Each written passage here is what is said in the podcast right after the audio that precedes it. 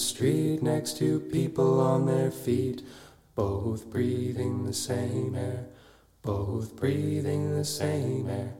Regardless of income, possessions, and name, and your fame, and whoever you claim to be. In the grand scheme, we're all the same. We're all same. There are places to go and things you should know about the world in which we live, about the world in which we live. It's a curious, mysterious place full of secrets and people who live in misery overseen. If we're all the same, then how can this be? How can this be? I know that I have a voice, and even that's not my choice, but I'll use it anyway. I'll use it anyway. Even though it might not be heard by enough people to help spread the word that I have some growing concerns for us all. But if we open our ears, May we minimize our fears. May we minimize our fears. We live in a time where everything moves too fast for our own good. We knew it would. So why don't we help each other more? We clearly could do it, but it's like we're at war with ourselves, with ourselves, with ourselves.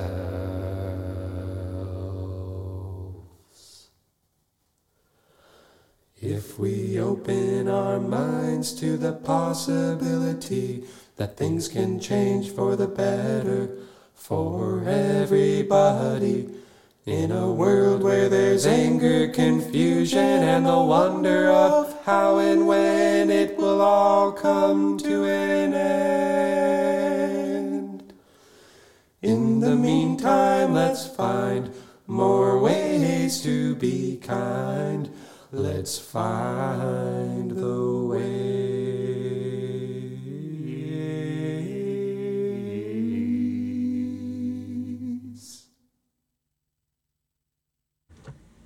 tere õhtust, alustab saade Uus raamat. mina olen Elisa Johanna Puändist ja mul on täna külas Marleen Soosaar.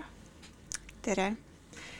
Ja see lugu, mis just mängis, selle ma avastasin täna hommikul rongis ja mul on täiesti lootusetu äh, õrn koht jutustavate lugude vastu ja siis ma otsustasin sellega täna alustada. ja kui ma sõitsin täna pärastlõunal RMK maja eest mööda, siis seal on üks protestija, kellel on äh, plakat, kus peal on kirjutatud, et RMK hävitab meie metsasid, siis ma arvan, et see lugu võiks tervitada seda üht meesterahvast seal RMK maja ees ka. Marleen on meil korra varem juba külas käinud ja sa võid äh, rääkida kahe sõnaga endast ja siis asume raamatute kallale mina töötan Tervishoiumuuseumis, peamiselt hariduse, aga ka muude selliste elamuslike programmide juures ja olen kunstiajaloo taustaga ja ma arvan, et seda peegeldab ka minu raamatuvalik natukene. ja mulle meeldivad raamatud ja puänt tore. ja meie tutvus Marleeniga saigi alguse kunsti ja ajalooõpingutel. ja nüüd me oleme siia jõudnud taaskord. tegelikult min-, mul on huvi ja siis ma saan õnneks kasutada seda võimalust ja kohe sellest ka alustada. Marleen rääkis, et neil on töö juures väga tore raamatuklubi, mille nimi oli selle nimi on Naksitrallid. naksitrallid, näed, ma oleks nukitsemees öelnud praegu naksitrallid. ja kas sa räägiksid, kuidas, kuidas see toimib või kuidas teie valikud sünnivad, ma tean, et see on omaette maagia, mis seal taga on, ja Marleen natukene rääkis mulle ja ma lõpetasin ta poole lause pealt, ütlesin, et räägi eetris, siis ma saan äh, otse küsida neid samu küsimusi, mida ma oleks tõenäoliselt ka siis küsinud ähm,. Mul see mõte iseenesest oli juba mõnda aega, ma tean, et äh, töökaaslased armastavad ka raamatuid lugeda, väga erinevaid. ja siis me liitusime muuseumis sellise programmiga nagu Peresõbralik tööandja, mis on ka töötajasõbralik projekt ja ühesõnaga, seal on päris palju selliseid äh, punkte sees, et kuidas äh, töötajate aega, noh, põhimõtteliselt umbes kolmandik päevast, mis me veedame siis koos, muuta kuidagi ähm, toredamaks ja võib-olla kohati vähem tööga seotuks. ja siis äh, ma ütlesin, et äh, ma tahaks võib-olla proovida seda raamatuklubi asja. Ja tegime algust äh, sügisel ja me kohtume kuskil äh, no me jätame poolteist kuud või kaks kuud kuidagi niimoodi vahele, nii et praegu me oleme kolm korda koos käinud. Ja raamatuid me valime, me ei tee nii, et me loeme kõik ühte ja sedasama raamatut, sest et see tundus meile natuke nagu igav ja see ei täidaks seda eesmärki, et et me tutvume isiklike lugemiseelistustega ehk siis me valime mingisuguse natuke suvalise teema. esimene kord me lihtsalt tõime raamatud, mis meile meeldisid, mida me oleme viimati lugenud, äh, sellest järgmine kord oli teemaks, äh, issand, kui sobivalt, ida. Ähm, ja võis siis valida jutumärkides idamaade kirjandust ja seda interpreteeriti väga lahedalt, üks mu kolleeg luges äh, Serafima ja Bogdani läbi, mis on siis äh, Vahur Afanasjevi raamat Tegevus toimub Peipsi ääres. ja ta ütles, et see on ju idas mm. -hmm. ja mina, ma olen lugenud Jaapani kirjandust mingil määral ja ma valisin ühe Türgi kirjaniku äh, Elif Shafaki äh, teose, mille ma tegelikult juhuslikult teilt puändist leidsin. ja, ja siis ma lugesin mingeid India muinasjutte, mis oli ka kuidagi veider kogemus ähm, ja siis nüüd uus äh, viimase kohtumise teema, mm, nüüd jaanuaris oli siis meil külm, jää või lumi, noh, mingi selline temaatika ja ja mis iganes sinna siis mahub. Äh, ja järgmine kohtumine äh, on siis mul nüüd kohustus lugeda tuhande üheksasaja kümnendast kuni tuhande üheksasaja kahekümnendani välja antud äh, raamatuid. ehk siis äh, sada aastat tagasi, mida kirjutati. välja antud või kirjutatud? sest välja Kirjutamis... antakse aeg-ajalt neid oluliselt hiljem ka. jaa, kirjutamiskuupäev on natukene keerulisem kätte saada, nii et me lepime ka sellega, kui ta on selles vahemikus avaldatud eks ta mm -hmm. näitab ka midagi ajastu kohta -hmm.. okei ehm,. ja kuidas see teie vestlus välja näeb, et kui teil on erinevad teosed, siis te, kas te kuidagi selgitate oma valikut või mis raamatud te olete otsustanud kaasa võtta?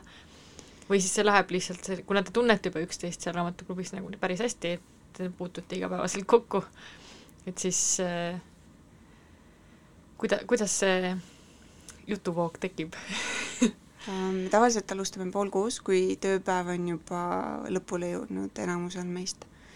ja selline mitteametlik äh, palve on siis kõikidele midagi head tuua, et äh, saaks ennast kuidagi mõnusamalt tunda.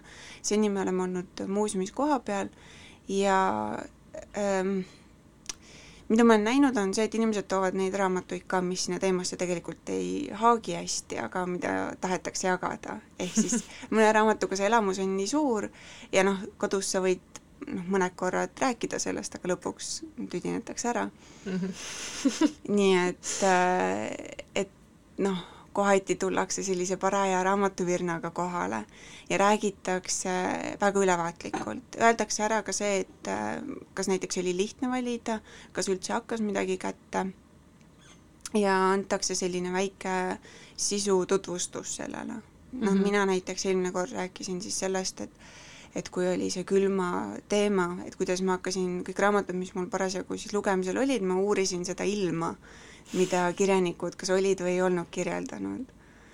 ja selline äh, igasuguste äh, sisurikkujate vaba tutvustus ja meil on ka laenamisring siis käinud, et see, mis tundub huvitav ja põnev, siis äh, see on läinud ka ringi peale.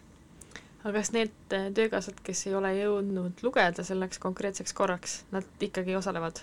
meil on alati keegi orbiidil niimoodi tiirutamas, kes äh, tuleb, võtab küpsise ja küsib, et kas tohib tulla, mul on lugemata ja seni nad on väga kiitnud, neile ütleb, nad ütlevad, et väga lahe on kuulata lihtsalt, kuidas äh, inimesed, mida nad loevad ja kuidas sellest räägitakse. ja mõnes mõttes see on hästi hea variant, kuidas veeta koos aega ja äh, mitte rääkida tööst sest et seal on mm -hmm. väga raske tööasjadest rääkida.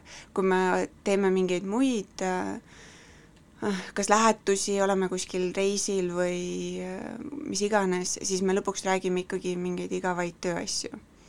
aga kui see pidepunkt on hoopis teises kohas, siis seda ei ole nii lihtne teha mm. -hmm. ja kuidagi, kas minu arust on sul nagunii kadestamisväärne oskus enda loetud äh, sõnadesse panna ja kuidagi näha sealt mingeid elemente, mida mina alati ei näe. et see eelmine kord, kui sa meil saates külas olid, tuli väga hästi välja ja üldse sinuga vesteldes on väga hästi välja tulnud. et kas, kas, kuidas ma nüüd alustasin seda küsimust, ma läksin meie mingitesse vestlustesse, aga et kas see sisu väljatoomine, et kas see tuleb su jaoks lihtsasti või kas see tuleb teiste jaoks lihtsasti, sest ma ise kipun küll tegema seda, nagu ma praegugi tegin, et ma hakkan minema kuhugi ja siis ma unustan, kust ma tulin ja kuhu ma üldse välja tahtsin jõuda ja siis selleks, et mitte rääkida sisu rikkuvaid elemente, et siis see kipub nagu kuidagi jääma sellisesse kasti nii-öelda mm, -hmm. kuhu sa ta-, kust sa tahaksid nagu välja tungida, aga kuidas seda teha? Eks ta on, ma arvan, et erinev, noh põhimõtteliselt äh, need on need äh, kihid, eks ole, ja kui, kuivõrd neid kihte, mis äh, tekstist välja tulevad, äh, seostada mingite konkreetsete äh, sündmustega, mis siis tekstis juhtuvad. aga ma olen pidanud tegema seda ja, ja kui ma olin Kiili ülikoolis, siis ma emigreerusin kirjandusteaduste või noh, Inglise Philly teaduskonda, seal oli väga palju kirjandusteaduste aineid, mida ma võtsin ja see oli lihtsalt nagu mingi unistus, ma ei teadnud varem, et äh, saab käia ülikoolis, lugeda ilukirjandust ja sellest pärast rääkida. ma arvan, et see mingil määral aitas. kui palju sa märkmeid teed, kui sa valmistud kohtumisteks? ei tee, äh, ma teen raamatusse mm. -hmm. ma tean, et see on selline ähm, ketserlik komme kirjutada pastaka või muu äh, mitteharilikuga nendesse väikestesse ridadesse, kuhu vähegi mahub, või siis lihtsalt alla joonida, aga ma seda ei ole teinud, et ma mingisugust ähm, nagu märkmikut peaks seal kõrval, meil just keegi ütles mm, -hmm. et tema, töö juurest keegi, et tema peab sellist äh, nagu lugemispäevikut, kuhu ta tsitaate kirjutab, ma ise olen mõelnud, et ma ei tea, miks ma seda teeksin, sest et tõenäoliselt mul ei oleks mahti seda või isegi võib-olla huvi seda lugeda. lahedam on mm -hmm. lugeda raamatut, kus need märkmed on ja siis äh, teha selline ajareis ka. mina teen ka seda äh, tsitaadi märkmiku äh, varianti, või noh, ma teen kõiki neid variante kokku tegelikult, et kui mul on mingi raamat töös, nagu üks raamatutest, millest me pärast räägime, siis seal mul on lisaks nagu joonimisele on mingeid märkusi, või kui ma teen ülikooli jaoks mingit lugemist, siis ma kirjutan väga palju väikseid märkusi, et mul ei läheks meelest, miks see mm, -hmm. miks, kuhu see mõte konkreetselt läks. aga selle tsitaadi tsitaadimärkmikuga viimati oli suur ahaa-hetk, et miks see oluline on mulle mm. meeldib vaadata, mis asjad mind mingis raamatus on kõnetanud ja mis hetkel, aga ma kirjutasin ühte raamatu arvustust ja mul said mõtted otsa ja siis ma võtsin selle tsitaadi märkmiku ja ma leidsin mingisuguseid paralleele, mida ma sain sisse tuua. ja ta pani mõtte värskelt uuesti käima, et ma justkui võtsin enda loetud teostest eh, minu jaoks olulisemad või parimad kohad ja siis eh, inspireerusin neist uuesti mm. -hmm. see toimis väga hästi. kuidagi sein oli ees muidu. no eks see sõltub, et mis tekstiga hiljem juhtuma hakkab mm. -hmm. Peamiselt mul on olnud praegu mõnes mõttes luksus ja samas ka nagu natuke kahju lugeda ainult lõbu pärast. ma väga palju erialast kirjandust, äh, mida siis töö juures läheks vaja, ei jõua lugeda. Ähm, nii et äh, kui noh, neid lähilugemisi ma olen ka teinud ja see on omamoodi töö, et kui lasta sellel tekstil lihtsalt voolata, siis on kuidagi lõõgastavam ilmselt.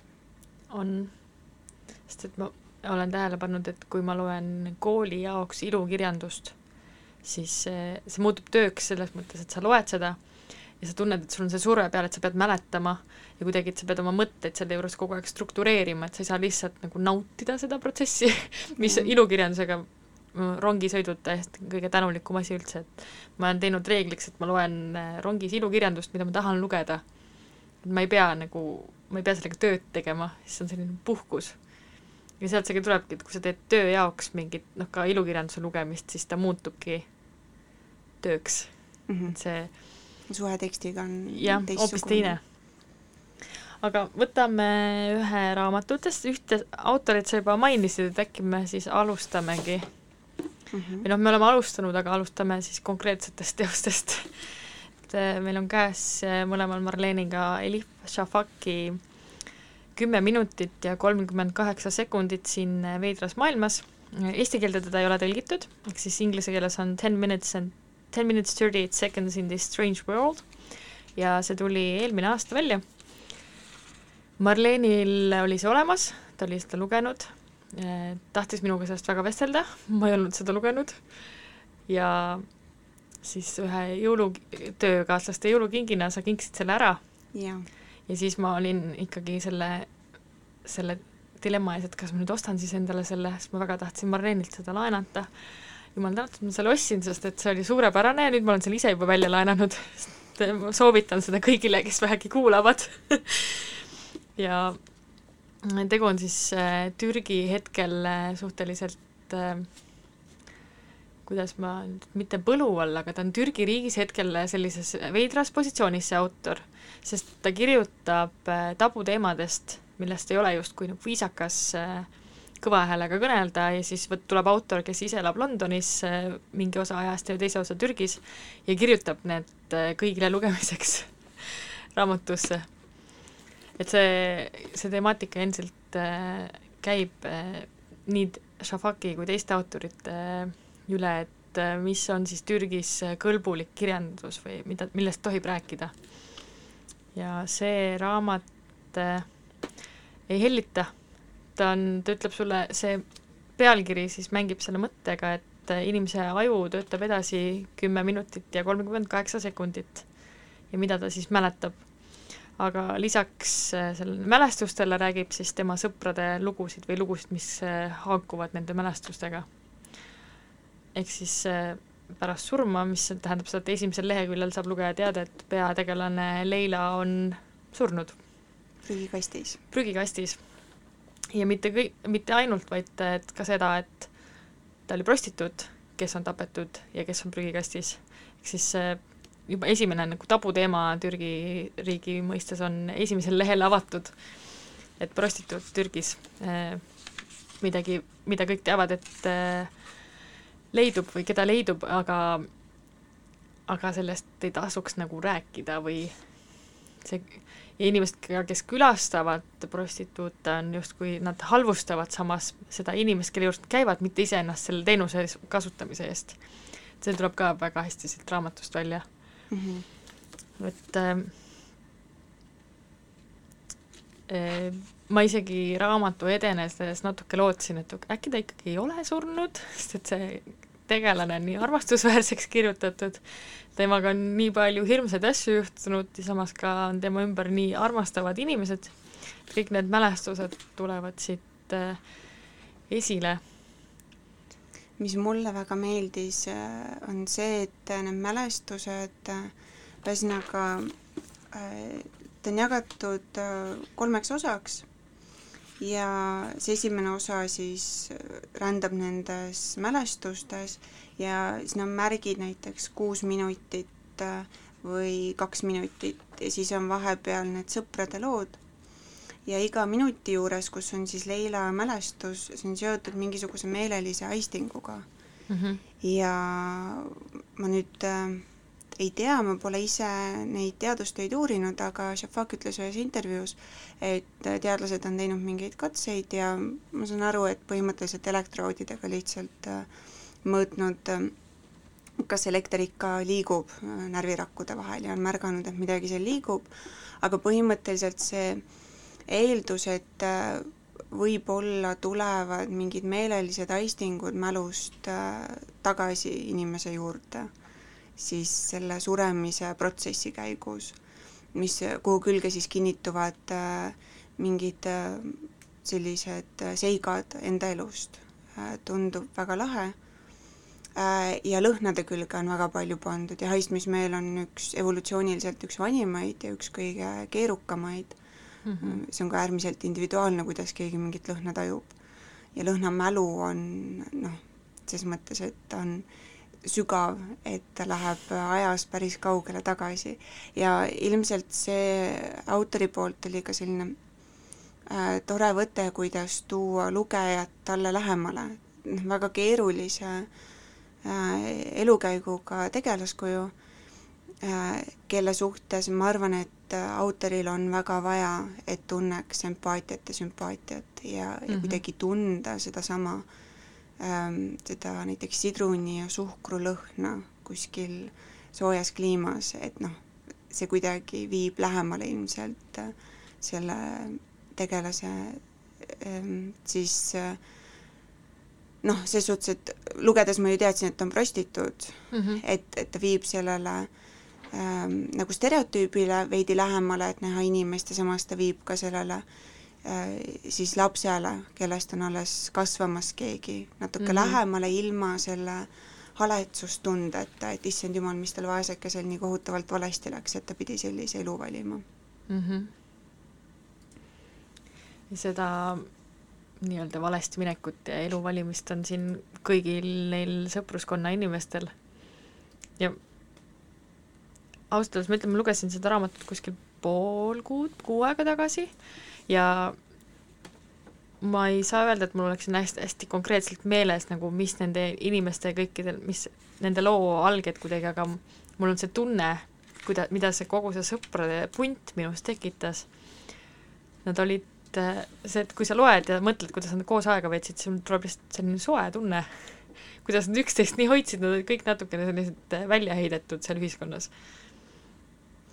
mulle väga meeldis see äh, üks metafoor, mis seal oli, nad olid ühiskonnast välja heidetud, need mm, -hmm. see sõpruskond, ja ka oma perekondadest välja heidetud mm -hmm. erinevatel põhjustel. ja põhimõtteliselt äh, autor küsis või siis need tegelased omakeskis küsisid selle üle või selle järgi, et et veri on ju paksem kui vesi aga vesi on siin mõnes mõttes selline ühendav element ja nende peatükkide juures on näha ka sellist äh, kalakujutist, selline joonistatud kalake, kes siin liigub. Ja ähm, ta kuidagi tõi selle vee kui elualgeja ühendava elemendi mõtte sinna juurde või, või asemele mm. -hmm. et mõnes mõttes õõnestas seda äh, ütlust mm, -hmm. mis nii kergesti meil käib. ja mõnes mõttes ei tunnusta sõprussuhteid, mis no väga paljude inimeste puhul ma arvan, et on elus äh, olulisemad ja kohati ka võib-olla tugevamad kui nende selliste esivanematega sidemed.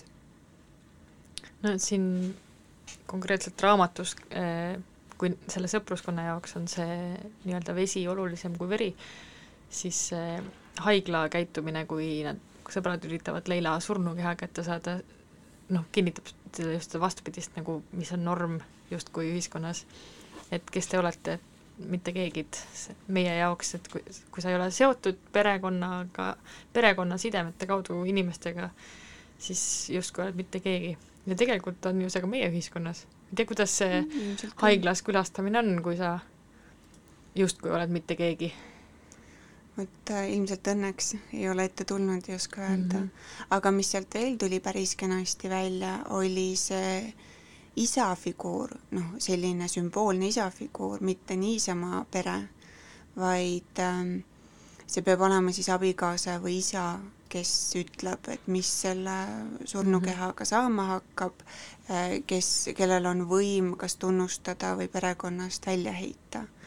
ja, ja ma arvan, et see ähm, selline riigikorraldus ja ühiskonnakorraldus laiemalt, mis äh, noh, selles suhtes, et ma arvan, et mehekeskne öelda ei ole absoluutselt õige, vaid just äh, noh, selline patriarhaat, mis seal mm -hmm. absoluutselt võimutseb jookseb sellise punase niidina sealt läbi ja väga kenasti kirjeldab ära, kuidas see tõmbab vaiba jalgade alt ära nii Leila isal ühel hetkel äh, kui ka teistel meestel, kes äh, noh, kunagi ei täida seda äh, ähm, noh, ülimat isa rolli, noh nagu piibellikku, et äh, kellel on täielik võim oma alluvate, äh, oma loomade, oma orjade, oma laste ja naiste üle.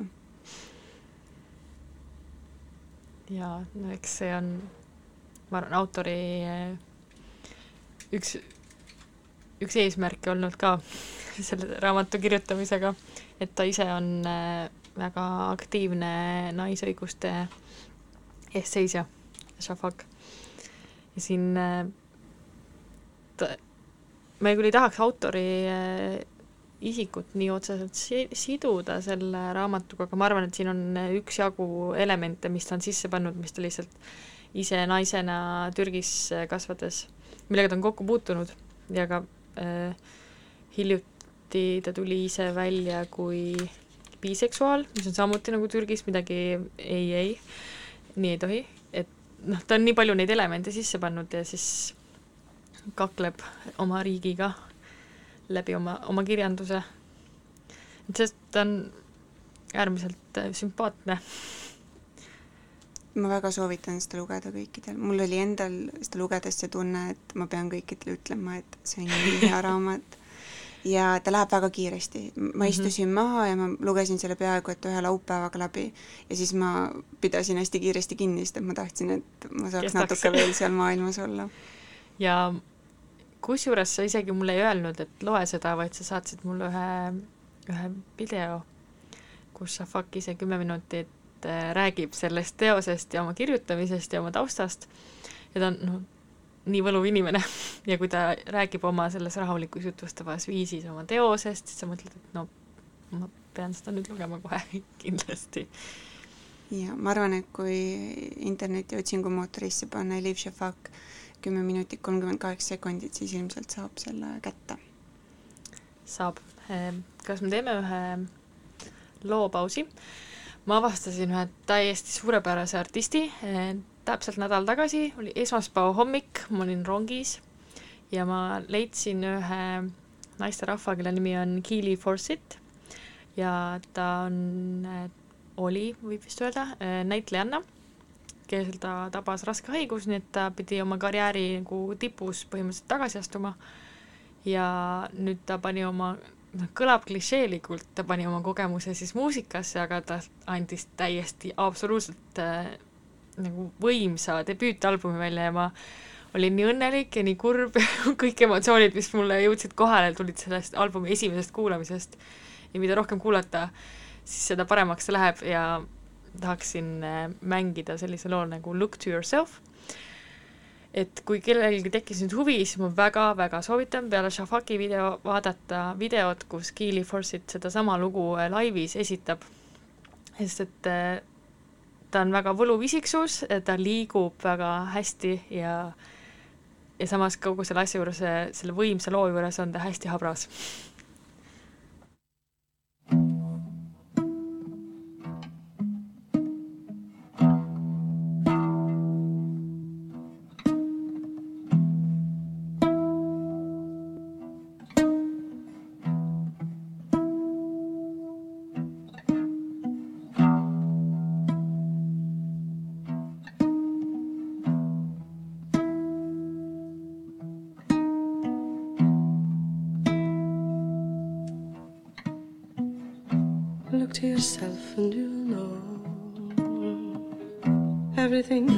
is to know. Look to yourself and you'll see everything that there is to see. But I am only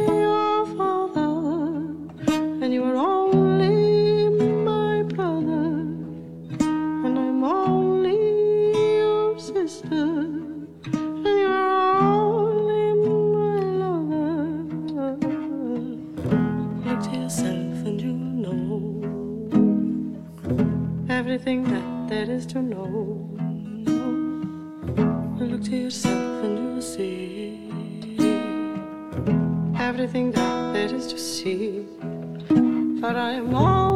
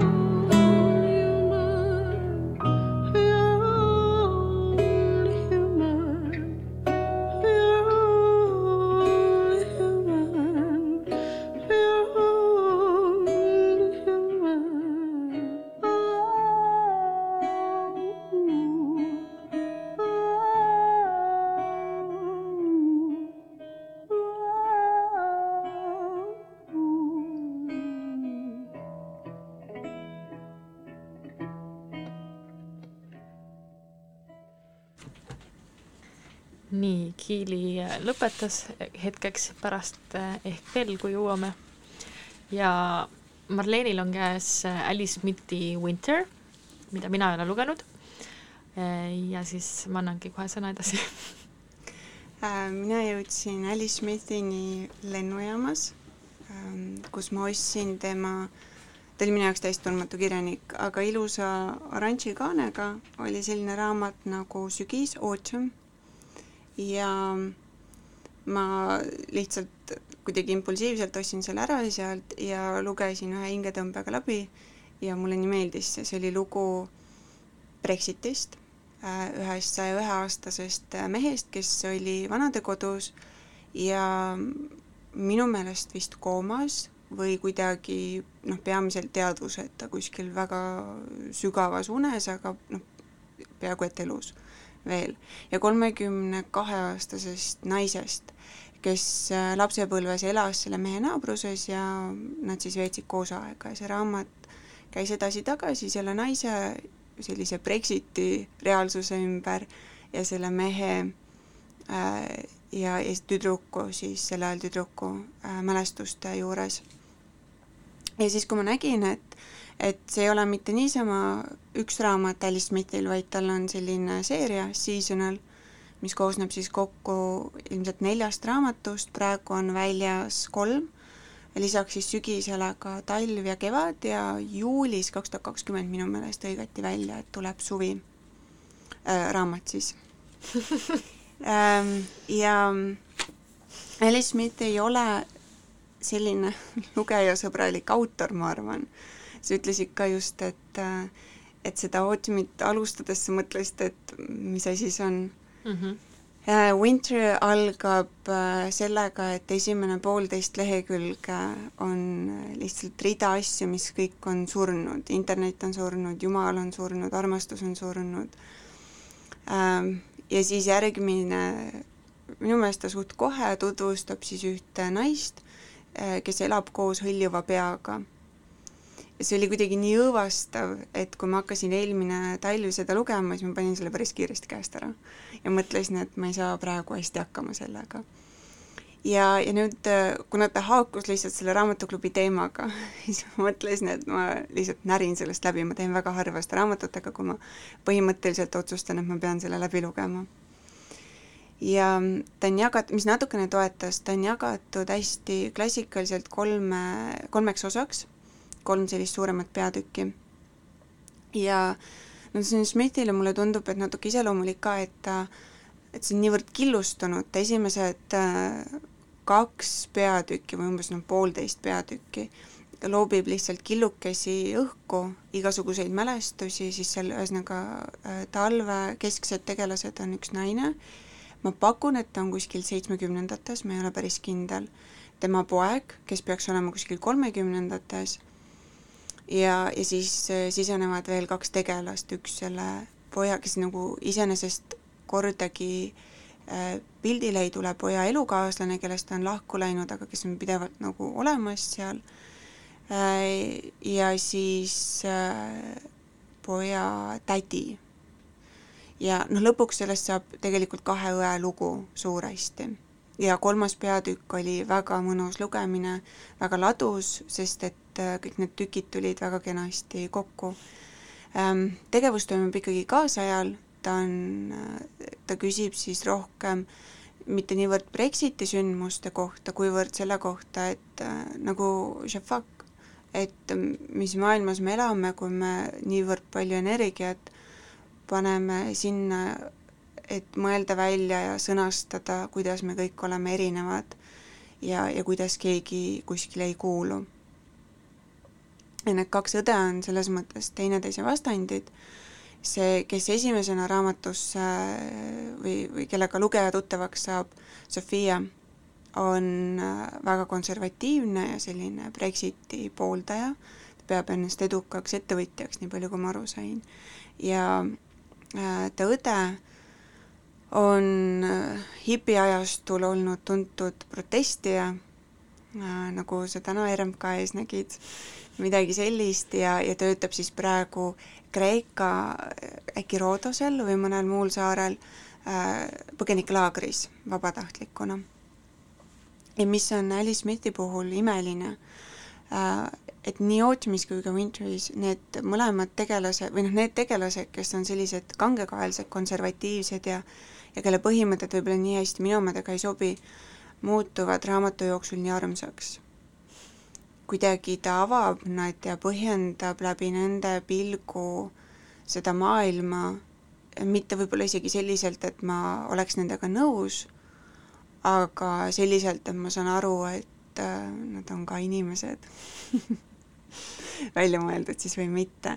ja Smithist veel nii palju, miks ma ütlen, et ta ei ole nagu sub-, lugejasõbralik väga. näiteks dialoogide puhul ta ei kasuta äh, jutumärke, et see on lihtsalt järjest mingisugune tekst.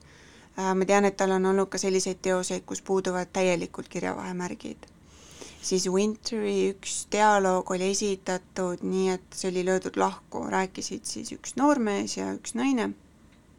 ja, ja alguses oli siis selle mehe dialoogi pool esitatud ainult ja seejärel siis ainult selle naise osa sellest dialoogist. Ja noh, pidi natukene nuputama, et need kõik vastused kokku panna, et see nagu selliseks mõttevahetuseks siduda. ja tema käest on küsitud ka, et mingites intervjuudes ja podcast ides, mida ma olen kuulanud, et miks sa teed seda, mille pärast niimoodi kirjutada või et äh, kas äh, see on nagu väljakutse lugejale, siis ta on tegelikult väga kenasti sellise nagu äratuskellana öelnud, et see ei ole mitte midagi uut, mõnes mõttes jälgib sellist modernistide ja Joyce'i traditsiooni et ta teeb seda, mida nagunii on kogu aeg tehtud ja ta on kaasaja suhtes väga optimistlik minu täielikuks üllatuseks, öeldes, et praegu on areen täiesti vaba, kirjanduses on kõik võimalik, sa võid raamatus teha mida iganes, kõik võib seal juhtuda, seal ei ole piire. ja, ja kõik võivad kirjutada ja seda võimalust iseenesest võiksid inimesed nagu julgemalt ära kasutada ja, ja perifeeriatest, kas siis geograafilistest või sotsiaalsetest perifeeriatest eh, kerkib esile järjest rohkem andekaid kirjanikke. tuli selle mm, dialoogiga meelde David Lynch, Jäneste film, kus kogu see dialoog on nihkes. et on, on ka filmis tehtud aga ma kujutan ette, et mingi hetk on see ajukorrektuur, et sa loed seda ja siis sa saad aru, et ahah, see on sellele vastuseks, see on sellele vastuseks. et kuida-, tund-, tundsid sa seda või sa pidid minema tagasi selle dialoogipunkti poole või et said enam-vähem äh, joonde kuidagi selle lugemisega ähm,? ma arvan, et mida ta tahtis sellega näidata või vähemalt mida mina kogesin, on see, et kui palju üksteisega rääkides me üldse kuulame või kui palju on see ootamine, et millal nüüd mina saan midagi öelda mm. -hmm. ja eks ta avas neid tegelasi läbi sellise vormilise võtte, et ma sain rohkem tuttavaks selle mehega, kes oli nii ebameeldiv tegelane muidu minu jaoks. ja ma noh, kuulsin või, või siis nagu lugesin seda maailma läbi tema silmade ja täpselt see, et noh, mida temal oli vaja järgmisena öelda ja, ja ma aimasin äh, siis ta vestluspartneri vastuseid, mis siis tema jaoks olid küllaltki vähetähtsad, vähemalt nii ma tõlgendasin mm. -hmm. ja siis teistpidi, et see teise inimese äh, väga subjektiivne kogetud reaalsus. aga noh, ta, mida edasi ma sain selle raamatuga, seda ladusamaks ta läks ja mingite noh, selliste kokkuleppeliste kirjavahemärkide puudumine ei hakanud äh, kuidagi häirima. harjusid autori stiiliga? jah see aitab kohati kergendada seda valu. praegult muusikalist vahepalake ei teegi, vaid äh, lähme edasi. jah. et võtame Kiedra Radvilavitšute, mm, Leedu autor, kelle tõlge ilmus siis eelmisel aastal Loomingu Raamatukogus, esimene esindus. täna öösel magan mina seina pool ja teisi jutte. et ma pean ütlema, et äh, ma olen seda nüüd mitu korda lugenud e,. see läheb iga lugemisega aina paremaks ja täiesti uskumatult võluvad äh, lood ma väga tahaks äh, lugeda neid tekste, mis sellest valikust välja jäid, sest et need on äh, see tekstikogu, mis on siia raamatusse kokku pandud, on äh, valimik siis samanimelisest kogumikust Täna öösel magan mina seina pool. et Tiiu Sandrak, see tõlkija, valis need. aga kui, kui ikka väga meeldib, siis nagu näpud hakkavad sügelema, tahaks veel. ja ma pean ka ütlema, et see on see raamat, mis ma alguses ütlesin, kus on igasugu huvitavaid märkusi vahel. siin on nagu, siin on nii palju jooni ja, ja kriipse ja asju. sest et äh, ma kirjutasin oma uurimistöö seda, seda raamatut lahates ja, ja ma ei tea, kas ma sellele tegin äh, liiga või äh, et ma võtsin lihtsalt ühe, ühe elemendi, mida ma hakkan, hakkasin siis uuesti lugedes otsima ja kui sa hakkad otsima, siis sa ju hakkad ka leidma. et ma analüüsisin seda autori, autori kui mina, mina pilti, et äh, feministlikud autori diskursusest need kolm mõjukat lähenemist äh, võtsin aluseks. aga see ei ole ainus nagu võimalus seda, seda raamatut lugeda, aga miks, miks see autori positsioon sinna tugevalt sisse tuleb, on, et see autor Radvila Vitšutes kirjutab nii, et ta justkui annab sulle aimata, et kõik need lood on temast endast. sest et on mina tegelane, kes on naine, kes on sündinud tuhande üheksasaja kuuekümnendal aastal, kellel on tütar, kes elab Vilniuses, siis ka, see oled sina. ja siis mingi hetk ta ütleb, aga millegipärast nagu mu lugejad küsivad tihti, et kas see või teine sündmus oli päris või kas see või teine tegelane oli välja mõeldud ja siis ta ise vastab sellele nii, et eh, enamasti on nii üks kui teine välja mõeldud. et ta justkui veab kogu aeg oma lugejat ninapidi ja see on tema selline kirjaniku meisterlikkus, kuidas ta seda teeb. ja siin on äh,, täna vist väga palju ette ei loegi, kui üldse, kohe teine tekst selles kogumikus on äh, pealkirjaga ilma pealkirjata. selle juures, see on kaks lehekülge, isegi poolteist tegelikult, kus ta, ta loob lugeja jaoks mingi pildi ja siis see tekst lõpeb äh, sõnadega otse kui tegelik jätkuv elulugu. minu jaoks oli see vaiba hetk, et no ma panin sind uskuma ja siis, aga seda ei ole olnud kunagi see mulle väga meeldis ja siin ta noh, mängibki selle mõttega, et seal on mina, sest ta alustab kohe sündimise ja suremise kuupäevaga ja CV-ga ja ta räägib nagu mingeid hetki. No ta, et ühelt poolt on need sündimise kuupäevad ja teistpidi on mingisugused, ma arvan, et autobiograafilised faktid, mingi mm. -hmm. konverents, kus ta esineb. või mida ta või... korraldab mm. -hmm. või noh, väiksed elemendid, dialoog tütrega kodus mm. -hmm. või kõne toimetajalt ja see tundub, noh, see tundub selline asi, et, et äkki ta ei ole seda välja mõelnud. Mm -hmm. Ja, ja siis ühel hetkel, noh, mõnes mõttes võib-olla ka tunnetab selle ära, ta ületab mingi piiri, kus ähm, ma ühe loo puhul mõtlesin, et appi kui kohutav, ma loodan, et see ei ole päris ähm,, kus ühesõnaga noh, et ta läheb siis kodust ära, tütar ütleb, et too palun Rimist selga küpsiseid, et mul on homme kontrolltöö. ja lugeja, jah, šokolaadiga. ja lugeja eh, saab aru või noh, lugejale antakse mõista, et eh, ta on võtnud kaasa brändipudeli ja ta ei plaani tagasi tulla mm. Mhm. ja seal on siis noh, see küsimus, et äh, kas see ema hülgab nüüd oma lapse, et noh, see on suurim kuritegu, mida naine või ema võiks teha. ja noh, ta paneb kohe lugeja selle äh, hästi nagu terava küsimuse ette. no seal on jah, seal on see, see on seesama tekst, kus see kirjaniku kõne või kirjastaja kõne on. aga see, miks ta lahkub kodust, on see, et üks tõeline kirjanik peabki kodust lahkuma, ta peabki olema iseseisev ja mitte keegi ei pea temast sõltuma, sest see aheldab teda justkui tavaelu külge et see, aga see ei olnud ainult brändipudel, mis ta kaasa võttis, mulle väga meeldis see nimekiri asjadest, et seal oli tema lemmikautori Nabokovi raamat, siis oli see brändipudel, varu sukapüksid, väga oluline. et seal oli veel mingisuguseid selliseid hästi maiseid asju ka, aga just see Nabokovi raamat ja brändipudel olid sellised nagu kirjud, ütleks nii. aga see, see, see lugu, see, kuidas ta lõpuks ta üsna kiiresti tegelikult jõuab sinna tagasi, et saad aru, et ta läheb ikkagi koju, sest et ta on selle brändipudeli tühjendanud, jõudnud äh, mitte väga kaugele oma, oma kodust, sest tuleb meelde, et ah, tütar tahtis šokolaadiküpsiseid siis sa saad juba aru, et ta läheb tagasi. mul tuli kohe millegipärast Lessing meelde, kui ma seda lugesin. Et noh, teda on kirjanikuna hukka mõistetud eraeluliste otsuste eest. et ähm, mis mõttes täpsemalt? no legendi järgi, kui ma õigesti mäletan, siis äh, Lessing ei kasvatanud oma lapsi ise, mm. -hmm.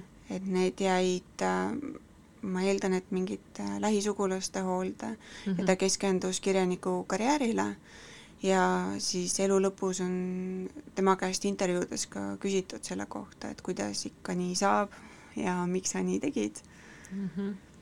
mm,. et noh, see on, ma arvan, et keeruline teema. on, see on äh, seal on nii palju tahke, kuhu ma vist ei taha hetkel minna, et ma ei tea, kuhu me sellega välja jõuame et see, seal on, üks tahk on kindlasti see, et eh, noh, et naiskirjanikud ei või seda teha, aga meeskirjanikud nagu justkui võiksid, eks ole.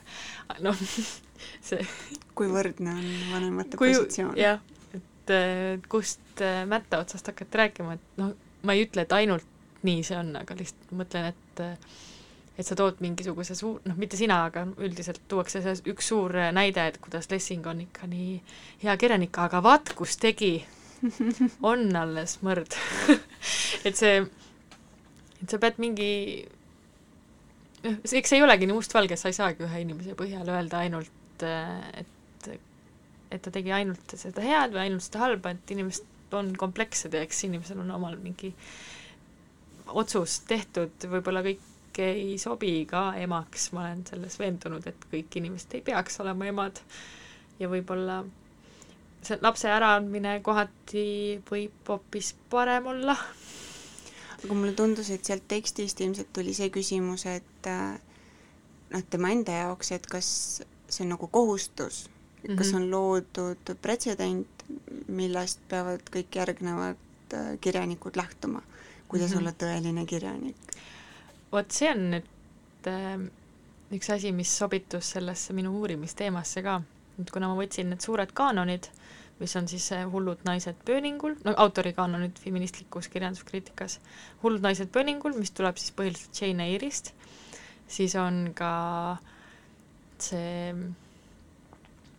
selline naiseliku kirjutise pool, selline fragmentidest koosnev mina, mis pannakse siis noh, fragmentidena teksti peidetakse ära.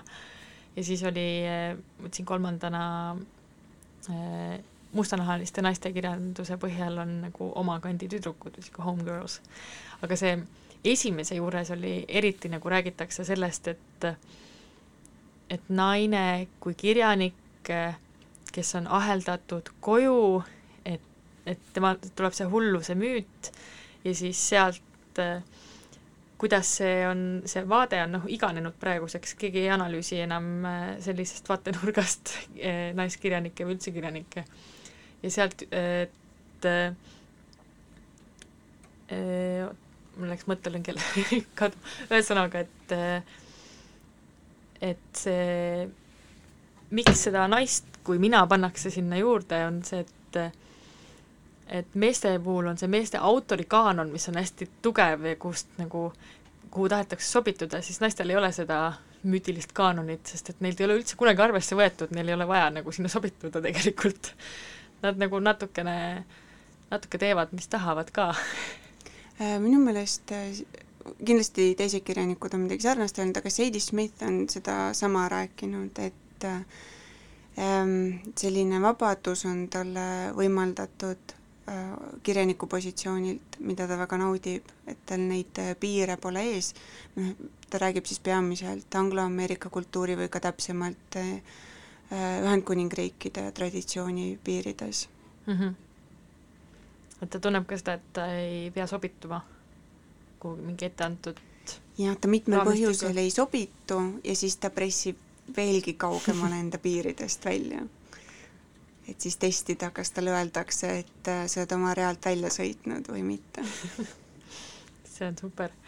me nüüd, Marlenil on tegelikult kaasas veel üks Heidi Smithi raamat, meil on valik, kas me jätame selle õhku või siis, või siis sa räägid sellest ja siis me ei tee lõpulugu. ma Nagu ütlen kaks sõna, see on, ühesõnaga sõna. Sadie Smithi tasub kindlasti lugeda, ma soovitan teda ka kuulata näiteks Youtube'is või kuskil taskuhäälingutes. ja ma lugesin On Beauty, mis on siis nullindate alguses välja antud Iraagi sõja hakul nii et äh, väga põnev lugemine, ma soovitan ja mm, saate lõppu ütleme, et äh, tervitame Triinut, kes on puhkusel ja loodame, et ta tuleb varsti tagasi ka. tšau, kohtume Ciao. järgmine kuu.